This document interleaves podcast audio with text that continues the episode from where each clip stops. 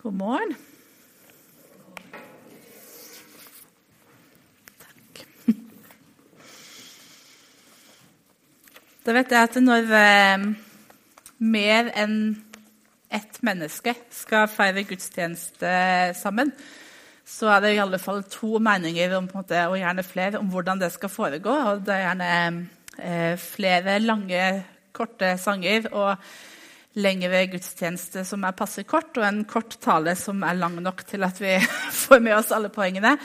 Eh, og En av de tingene som jeg vet at mange er opptatt av her, og som jo egentlig bare er en bagatell, men som allikevel blir viktig, det er eh, skal vi få kaffe eller skal vi ikke få kaffe når vi kommer. Eh, og Da vil jeg bare komme et vitnesbyrd om at hvis man får kaffe, så kan det være bra fordi at man blir i godt humør. Jeg syns det hjelper veldig med kaffe. Og ulempen er at jeg nå tenker at eh, Hvorfor gikk jeg ikke på do mens vi sang? Um, så det er viktig å ta med seg.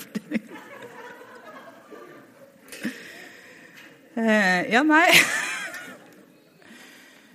Det var ikke det vi skulle snakke om. Lover. Men det var det som lå høyest oppe i min bevissthet akkurat nå. Men vi skal snakke om uh, trosbekjennelsen. og... Det er også en sånn ting som jeg tenker at mange har en mening om. altså Høre trosbekjennelsen til i vår menighet. Vi som på en måte er så frie. Vi er jo en fri menighet, og vi syns det er så viktig med, med, de frie bønnene og de frie bekjennelsene. Og så skal vi på en måte bruke så mye tid på å snakke om en tekst som eh, ikke engang står i Bibelen, og som på en måte er mange hundre år gammel. Eh, og så tenker jeg at og så er ikke Bibelen det viktigste, da, og selvfølgelig er Bibelen det viktigste. Eh, og så har trosbekjennelsene blitt til fordi at mennesker i den første kristentiden, altså når kristendommen fremdeles var ny, hatt et behov for å oppsummere og si kort hva er det vi tror på. Så hva tror jeg på, og hva tror vi som menighet på? Eh, i møte med de som tenker annerledes, og i møte med livet. Og tenker at Det er like relevant nå, eh, fordi vi møter òg mennesker som tenker annerledes enn oss. Og Vi kan noen ganger òg bli i tvil om hva er det vi egentlig tror på.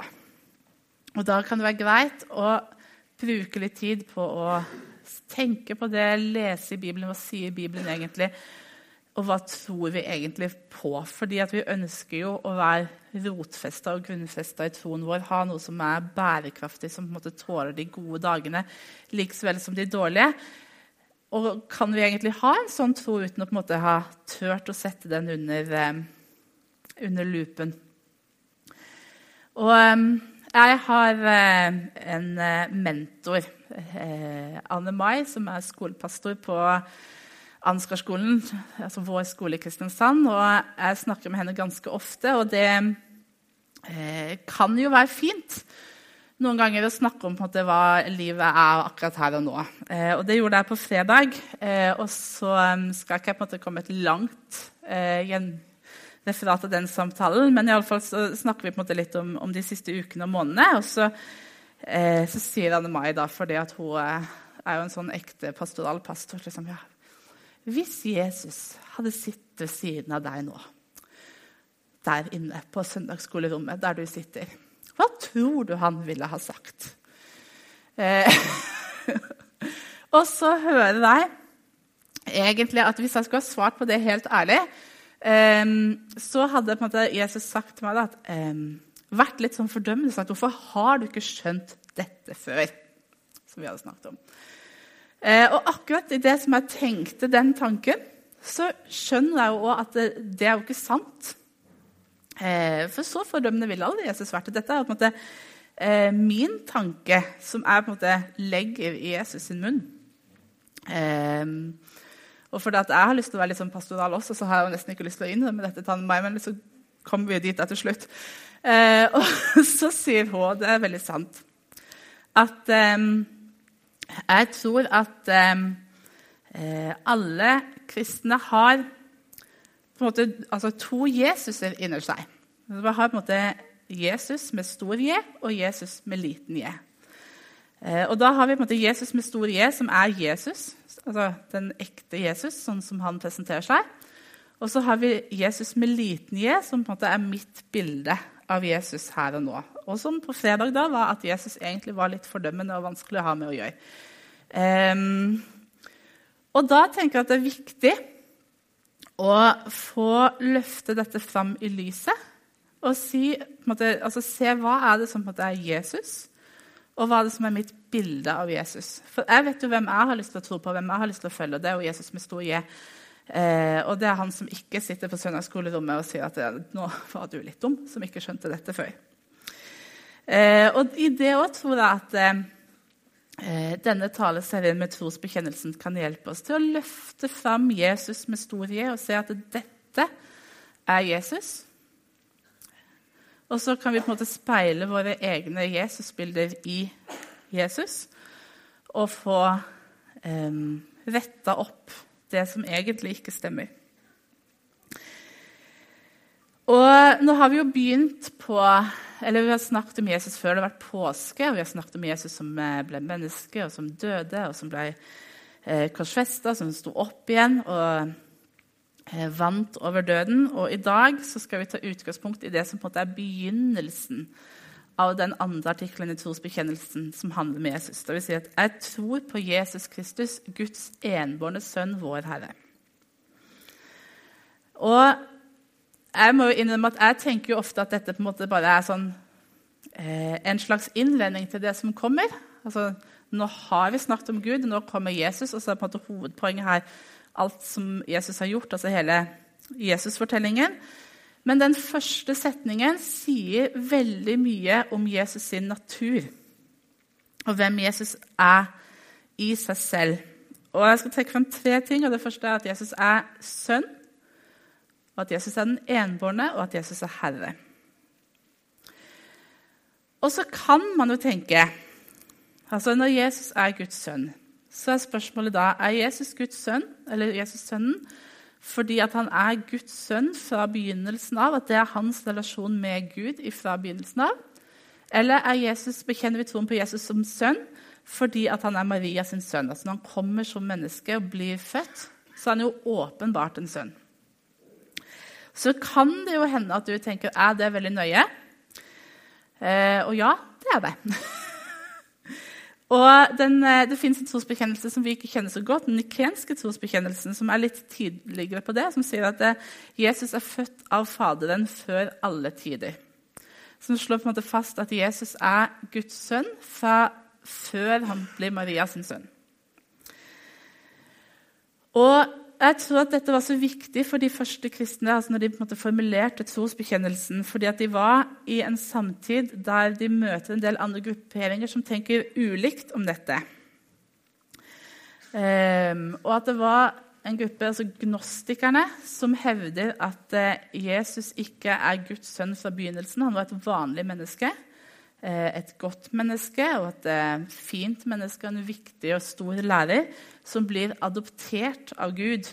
Eh, og så ser man gjerne for seg disse gnostikerne, at dette skjedde når Jesus blir døpt og ånden kommer over. Og, um, og da er det liksom problematisk, for de tenker da Kirken og svarer at vi tror at Jesus er Guds sønn. fordi at hvis Jesus bare er et menneske som på en måte blir adoptert av Gud, så er det jo ikke Gud selv som løser som på en måte blir menneske, og som løser mennesket sitt hovedproblem etter syndefallet. Det er ikke Gud selv som reparerer det forholdet. For hvis Jesus bare var et menneske som Gud syns ekstra godt om, og på et eller annet vis adopterer, eh, så er, er, det ikke Gud selv som går inn og betaler den prisen som er nødvendig for å opprette på ny relasjonen. Eh, og Det vil jo egentlig si at grunnlaget for frelsen faller vekk. Så det er på en måte så viktig. Eh, og I, i Filippe-brevet så siterer eh, Paulus en hymne som de nok brukte en del i den første kirken. står det at Jesus var i Guds skikkelse og så det ikke som et rov å være Gud lik, men ga avkall på sitt eget, tok på seg tjenerskikkelse og ble menneskelik. Så at Gud, Jesus var Gud som blei menneske Eh, han ga avkall på det å være Gud og blei menneske. Eh, og så var han både sant Gud og sant menneske.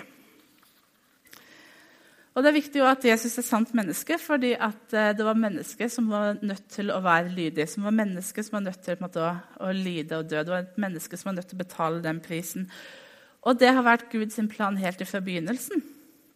Fordi at Gud sier til slangen i paradis allerede rett etter syndefallet at 'jeg vil sette fiendskap mellom deg og kvinnen', mellom din ætt og hennes ætt. Den skal ramme ditt hode, men du skal ramme den selv. Så er det som at Gud sier at eh, nå har synden kommet inn i verden, og den har altså påvirkningskraft på mennesker som kan kunne ramme menneskets hæl. Eh, men at menneskeetten skal knuse dens hode. Så det var Guds plan helt i forbegynnelsen av at eh, han skulle bli menneske, og at mennesket Jesus skulle svinne, seire over slangen. Og så tenker jeg at Det å vite dette er også viktig fordi det sier noen ting om hva Gud ofrer. Hva Gud gir opp når Jesus blir menneske. Og Det tar oss egentlig over til det andre, med Jesus som den enbårne. Og det er nå vi skal være litt nerder og snakke litt gresk. Fordi at Det greske ordet som er brukt her, eh, monogenes, det består av to ord. Mono, som betyr eh, den ene, eller den eneste, eh, eller den spesielle. Og genes, som kan bety av sitt slag eller født. Så da kan man tenke at det enten betyr den eneste som er født, eller at det betyr den unike. Da ser dere på en måte forskjellen. Og Det er ikke et ord som er brukt mye i Bibelen, og det er brukt om Jesus bare fem ganger. og Det er kun Johannes som gjør det. Um, F.eks. i den lille Bibelen med så høyt av Gud elsket verden at han ga sin sønn den enbårne. Og vi tenker at det først og fremst sier at Jesus var Guds eneste sønn. Eh, og det gjør det. Det sier det absolutt. Eh, det er ikke noe grunnlag for å tenke at eh, Bibelen åpner for at Gud har en mengde sønner, hvorav Jesus er én. Men det blir òg noen ganger brukt i Bibelen i forhold til andre enn Gud. F.eks. Eh, i forholdet mellom Abraham og Isak. Der blir det samme ordet brukt om Isak. Og så vet vi jo at Isak er ikke Abrahams eneste sønn. Han har en sønn til som han har fått med, med tjeneren sin. Og da sier det noe om relasjonen mellom Abraham og Isak. Altså den, Isak som den unike og spesielle sønnen. Eh, den sønnen som det var knytta et løfte til. Den som Abraham har en helt egen og spesiell relasjon med. På en måte favoritten. Og det syns jeg er litt interessant, fordi at historien om Abraham eh, er jo et bilde på Gud som velger å ofre sin sønn. Og at eh, Bibelen sier at, det, at, Abraham hadde det samme forholdet til Isak som den ene spesielle sønnen at det er noe av det samme forholdet som Gud, Faderen, har til Jesus som sønnen. Og det sier noen ting om at når Gud sender Jesus, og at Jesus blir menneske, og når han dør, så sender Gud det mest dyrebare som han har. Altså det mest unike og spesielle. Eh, det er det Gud gir til oss som er mennesker. Og jeg tror ikke at vi engang kan begynne å begripe det. Jeg tror ikke at det er mulig å sette seg inn i hvordan det må være for en far eller mor å skulle tenke den tanken at man offer, altså man gir vekk livet på sitt eget barn på vegne av noen andre. Jeg tenker at Vi har vanskelig for å sette oss inn i hvordan det må oppleves for foreldre å miste et barn pga. sykdom eller ulykke. Eller, eh, fordi at det er så sårt, og det, er på en måte, det vet vi jo at det skal ikke skje. Men her er det snakk om en far som er villig til å gi vekk sin sønn sitt liv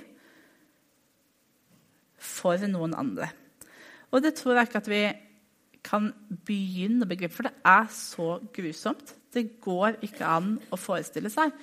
Og jeg tenker um, Når jeg leser om Abraham og Isak, f.eks. Og han trengte jo altså Han gjorde det jo ikke engang. Eh, så blir jeg nesten sint på Abraham fordi at han i det hele tatt er villig til å begynne å gå oppover med Isak mot fjellet. For det er ikke sånn foreldre skal gjøre. Altså, det stemmer ikke med, med, det bildet jeg har av å være en god forelder. Altså, det, det, gjør man bare ikke. Um, og så tenker jeg at um, Når Gud velger å gjøre det, da, så er det fordi at det fins ingen vei rundt. Og det går det nesten ikke an å sette ord på. Og så er det allikevel det vi sier når vi er med og bekjenner troen vår. Jeg tror på Jesus Kristus, Guds enbårne sønn. Så den eneste som han hadde, som han valgte å gi. Så er det sånn at den trosbekjennelsen blir brukt eller blei brukt som et slags pedagogisk verktøy i dåpsopplæringen før de nye kristne skulle bli døpt. Og der tror jeg at eh, vi heller ikke vet hvor kontroversielt og hvor kostbart det var for de første kristne å bekjenne troen på Jesus. Det å skulle si at Jesus er Herre. Som på en måte bare er litt sånn mange ganger når jeg er med på trosbekjennelsen, sånn som man bare sier sånn Jeg tror på Jesus Kristus, Guds enbårne sønn, vår Herre. Og så er jeg allerede så langt foran i på en måte at jeg må huske vekkefølgen på Pontius Pilatus og korsfestet og unnfanget. Og, um, og så er det på en måte bare et ord. Og så tenker jeg at um, Hva har det egentlig å si at Jesus er vår Herre? Hva betyr det at Jesus er min Herre? Og for de som første kristne så var det det at når de bekjenner at Jesus er Herre, så var de på mange måter fritt vilt. Eh, da var det sånn at de vel så gjerne kunne bli arrestert og fengsla og torturert eh, og drept for sin tro. Sånn at det for de kristne som måtte ha vært i denne dåpsskolen, som skal døpes, og som skal bekjenne denne troen for første gang, eh, på 200-tallet og 300-tallet. Så er det sånn at Med en gang de står der og sier det, så gir de på en måte opp rettigheten til å beholde sitt eget liv. Og så er det jo ikke sånn for oss. Det er sånn for noen i, fremdeles i verden. Det fins land der den kristne kirke blir forfulgt. Der det å tro på Jesus kan bety at du eh, blir tatt til fange og drept. Eller der det å tro på Jesus kan eh, bety at det blir vanskelig for deg å komme inn på en skole og få en utdanning. Eller det å tro på Jesus kan gjøre at du mister jobben din. Eller at du ikke kan ha kontakt med familien din lenger. Sånn er det for noen også i dag. Men ikke for oss. Eh, vi kom alle sammen hit i dag eh, uten å være redd for at noen skulle stoppe oss underveis og kaste steiner på oss. eh, vi har lov til å komme her helt åpenbart hver eneste søndag og, og feire gudstjeneste sammen. Um, å være en troende og bekjennende kristen har uh, ingenting å si i forhold til hvilken skole du kommer inn på. Um, ingen som står i fare for å miste jobben sin. Eh, altså med mindre tenker jeg at Hvis du jobber som muslimsk imam, så vil det kanskje være litt problematisk. Men altså, de fleste står ikke i fare for å miste jobben sin fordi at de er bekjennende kristne. Eh, og da er det på en måte lett å si at Jesus er herre, for det har ingen praktiske konsekvenser i livet mitt. Nødvendigvis. Og så tenker jeg at Vi skal jo ikke være der at eh, det å ha Jesus som herre i livet gjør at alle ting blir eh, et spørsmål om hva er måte Guds vilje. Altså Når du står opp, så er det sånn Skal vi ha på oss eh, klær i dag, Jesus? Hva tenker du om det? Eller at du står foran kjøleskapet og sånn Ja, kjære Jesus, vil du at vi skal spise gulost eller brunost i dag?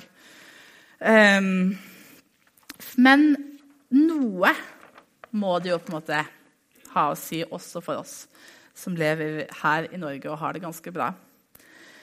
Og Da har jeg lyst til å gå tilbake til den der Kristushymnen i Filippe-brevet. Eh, fordi at Der sier Paulus først altså En lang salme som han siterer, om hvem Jesus er. Men så begynner han med La samme sinnelag være i dere som også var i Kristus Jesus. Og så sier han han var i Guds skikkelse og så det ikke som et rov å være gudlik. Han ga avkall på sitt eget, tok på seg en tjenerskikkelse og ble menneskelik. Han var lydig til døden, og derfor har Gud opphøyet han og gitt han det høyeste og navnet over alle navn. Så tenker jeg at um, det er dette det vil si å ha Jesus som herre for oss. Eh, og for de som lever i forfølgelse, men òg for oss. Å ha det samme sinnelag som Jesus og strekke seg etter det. At um, kan møte mennesker og situasjoner med en sånn Hvordan ville Jesus ha vært nå? Hvordan ville Jesus ha håndtert denne situasjonen? Hvordan ville Jesus ha prioritert min tid? Hvordan ville Jesus ha prioritert mine penger? Hvordan ville Jesus ha oppført seg i min familie? Å ha det samme sinnelag som Jesus. Hvordan ville Jesus vært med kollegaene sine? Eh, og For å kunne klare det så må vi vite noe om hvem Jesus er. Må vi ha lest litt i Bibelen og hørt litt undervisning og vite noe om hvem Jesus er. Og så tror jeg vi må ha et ønske om og en vilje om å, å leve sånn og gjøre sånn. Og så kan det på en måte bli et sånn veldig krav. Tenk at det, For eh, å kunne kalle meg en kristen, så må jeg være sånn. Og det er på en måte helt feil vinkling og helt feil fokus. Og da er det så fint, syns jeg, når Paulus slutter av etter på en måte først å si 'la det samme sinnelag være i dere som også var i Kristus Jesus'. Og så beskriver han Jesus som var villig til å legge ned alt sitt og lide og dø for oss. Og så kan man jo tenke at det går alle verden. Det klarer vi ikke. Og så sier Paulus.: For det er Gud som er virksom i dere, så dere både vil og gjør det som er til Guds gode vilje. Så er det på en måte ikke vår egen kraft. Det er jo ikke vi som skal mestre det er jo ikke vi som skal på en måte klare dette, men vi på en måte må ha et hjerte, et ønske om det. Og så er det Gud som skal gi oss både det ønsket og på en måte gi oss den kraften til å klare å leve sånn. Eh, og til at når vi går på trynet, så kan vi be om tilgivelse, så kan vi begynne en gang til. Eh, og jeg tenker at Vi må ta med oss nå inn måte, etter påsken. For nå har vi feira påske, og da er det på en måte lett å ha måte, fokus på Jesus og alt det som skjedde. Og så den lille detaljen, da, som egentlig er ganske stor, med at den veldige kraft som reiste Jesus opp fra de døde, den bor i oss. Det er på en måte den kraften. Det er Gud som vil virke i oss til både ville og gjøre etter hans gode vilje. Um, og så ser det ulikt ut. Altså, vi er mange her. Uh, og så ser det ulikt ut hvordan det er uh, med Jesus i Herre i mitt liv og i ditt liv. Um, men jeg tror at hvis vi bare at dette kan vi be om, og hvis vi ber om det og ønsker det, um, så kan vi også se at Gud vil virke og gjøre sånn at vi ser at Jesus blir Herre og for hver Herre i livet vårt. Og så tenker jeg at fordi at eh, Gud var villig til å gi sin sønn, den enbårne, så har jeg lyst til å ville og virke etter hans gode vilje. Og så har jeg lyst til å lese en historie om eh, en som var biskop Polikaips, Eh, som døde som martyr. Han var biskop på ja, 168 etter Kristus, tror jeg. Eh, og så står det om hans når, altså når han døde som martyr, da, at eh, politisjefen, som het Herodes, og hans far satt på hver side av Polikarp og prøvde å overtale ham. Hva er galt med å si at keiseren er herre, og ofre til keiserens lykke? for å frelse seg selv. Bare sverg ved keiserens lykke, og så skal jeg løslate deg. Si, forbannet er Kristus. Og så svarte Polykarp. I 86 år har jeg tjent han, og aldri har han gjort meg noe vondt. Og hvorfor skal jeg da kunne si blasfemi mot min konge som har frelst meg? For jeg tenker det er det, altså, Jesus som har gitt oss alt, og som kun vil oss godt. Eh, hvorfor skal vi på en måte ikke Håper det kunne være sånn på slutten av livet. og på en måte kunne si som Polikaip at i 86 år har jeg tjent han, og aldri har han gjort meg noe vondt. Så hvorfor skal jeg frasi meg han nå? Skal vi be. Kjære Jesus, jeg har lyst til å takke deg for at eh, du er Gud. Den allmektige som har blitt menneske takker deg for at eh, du var villig til å gi avkall på alt som var ditt, og bli menneske og leve iblant oss og um, leve under de samme vilkår som oss og kjenne på de samme følelsene og oppleve den samme sorgen og smerten og få gnagsår og være sulten og møte døden med ekte dødsangst for vår skyld. Takker deg for at eh, du eh, var villig til å legge din ære og herlighet og alt det som virkelig tilhørte deg, eh, for vår skyld. Og så ber jeg om at du skal hjelpe oss å um, ha det samme sinnelag som deg. Hjelp oss å um, og være villig til å legge ned vår ære og det som vi har, eh, for å følge deg og for å tjene deg. Hjelp oss å, um, å se dine Å se mennesker sånn som du ser mennesker, og eh, møte situasjoner sånn som du ville ha gjort det. Og hjelp oss å uh, ligne deg mer. Og så takker jeg for at eh, vi ikke trenger å gjøre det i vår egen kraft, men at eh, vi kan få lov til å få kraft både til å ville og til å gjøre dette ifra deg. For at du eh, som er allmektig og store som holder verden i sin hånd, også har lyst til å gi oss det vi trenger for å tjene deg tilbake. Amen.